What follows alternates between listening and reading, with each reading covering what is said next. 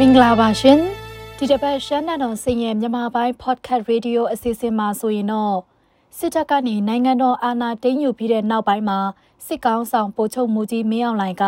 KSS စစ်အာဏာရှင်တွေဖြိုဖျက်ခဲ့တဲ့ရှမ်းလူမျိုးတွေအထွတ်အမြတ်ထားရှိတဲ့ဟော်နန်းတွေကို ပုံစံတူပြန်လည်တည်ဆောက်လာပါတယ်။တခိတခါကရှမ်းပြည်မှာရှမ်းစော်ပွားနယ်30ကျော်နဲ့ကိုထီကိုနန်အုပ်ချုပ်ဆံမြန်းခဲ့တာပါ။ ရှမ်းပြည်ကမြို့နယ်30ကျော်မှာဆိုရင်စော်ပွားတွေကိုတိုင်အုပ်ချုပ်ဆံမြန်းတဲ့ဟော်နန်းအတီးတီးကလည်းရှိနေပြီးအဲ့ဒီထဲကအကြီးဆုံးဟော်နန်းကတော့ဂျိုင်းတုံဟော်နန်းဖြစ်ပါတယ်။ဂျိုင်းတုံဟော်နန်းကိုတိဆောက်ခဲ့တဲ့သူက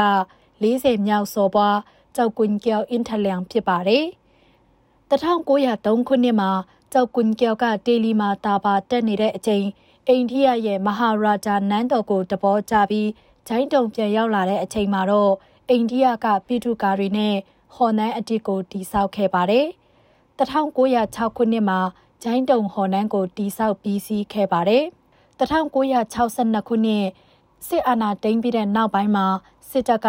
ဂျိုင်းတုံဟော်နန်းကိုတင်းယူလိုက်ပါတယ်။ဂျိုင်းတုံဟော်နန်းကိုလည်းစစ်အာဏာပိုင်တွေကအုပ်ချုပ်ရေးယုံအဖြစ်အသုံးပြုခဲ့ပြီး1992ခုနှစ်မှာဦးတန်းရွှေဦးဆောင်တဲ့စစ်အစိုးရကဂျိုင်းတုံဟော်နန်းကိုဖြိုဖျက်လိုက်ပါတယ်။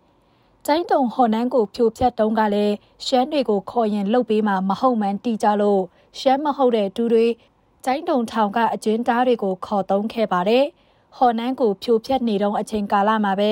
လက်နက်ကင်ဆောင်ထားတဲ့စစ်သားတွေကစောင့်ကြပ်ထားသလိုလူတွေအနာကပ်လာရင်ဖမ်းမယ်ဆိုပြီးတော့ပြောဆိုချင်းချောက်ခဲ့ပါတယ်။လူထုကိုပိုပြီးရင်နာစီတာကတော့ဖြိုချလိုက်တဲ့ဂျိုင်းတုံဟော်နန်းရဲ့အမွေအနှစ်တွေအုပ်တွေကိုဂျိုင်းတုံမြို့လန်းတွေပေါ်မှာ ဖြန့်ခင်းလိုက်တာပါပဲ။ဟော်နန်းကိုဖျက်ပြီး9နှစ်အကြာမှာတော့မြန်မာစစ်တပ်ကရှမ်းပြည်အရှေ့ပိုင်းကိုတင်းတင်းကြပ်ကြပ်ထိန်းချုပ်ဖို့သတိကန်တိုင်းစစ်ဌာနချုပ်ကိုထူထောင်လိုက်ပါတယ်။အဲ့ဒီမှာပထမဆုံးတိုင်းမှုဖြစ်လာသူကတော့တမရဖြစ်လာတဲ့ဦးသိန်းစိန်ဖြစ်ပါတယ်။အလွာလေးလွာရှိတဲ့ New Kingdom Hotel အခု Amazing Kingdom Resort ကိုလည်းအဲ့ဒီနှစ်မှာဖွင့်လှစ်ခဲ့တာပါ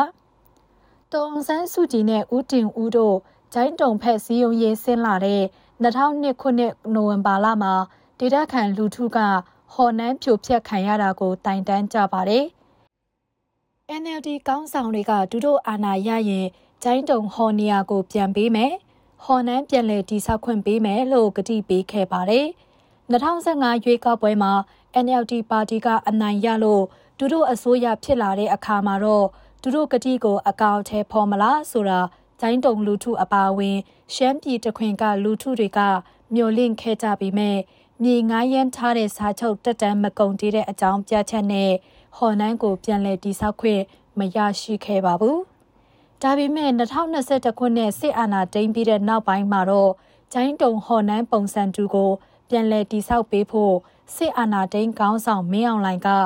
ဒိန်းပေါင်း4000ကျော်ကုန်ကျခံမယ်လို့ပြောဆိုလာခဲ့ပါတယ်။ အခုဆိုရင်60ရာခိုင်နှုန်းထိတိစောက်ပြီးစီးနေပြီလို့လည်းဆိုကြပါတယ်။စစ်အာဏာသိမ်းပိုချုပ်မူကြီးတန်းရွှေခေတ်ကာလမှာဖျက်ဆီးခံရတဲ့ကျိုင်းတုံဟော်နန်းကိုလက်ရှိအာဏာသိမ်းကောင်းဆောင်မင်းအောင်လှိုင်ကငွေကုန်ကြီးကြပြုတ်ပြင်မှုကိုတချို့တော့ရှမ်းလူငယ်တွေကသဘောမတွေ့ကြတာလည်းရှိနေပါတယ်။ရှမ်းလူငယ်တွေရဲ့သဘောဆန္ဒအရအရင်နေရာဟောင်းနေရာမှာပဲစောက်လုပ်ပေးစေချင်တယ်လို့တီးရပါတယ်။ ကျိုင်းတုံဟော်နန်းကြီးကိုဖျက်တာကြောင့်လူထုခံစားရတဲ့စိတ်ထိခိုက်မှုနဲ့ဒေါသတွေကတော့ဘယ်တော့မှပြောက်ကွယ်တွားမှာမဟုတ်ပါဘူးဒီကနေ့အထိတိုင်ဂျိုင်းတုံဟော်နန်းတွေရဲ့ပုံတွေက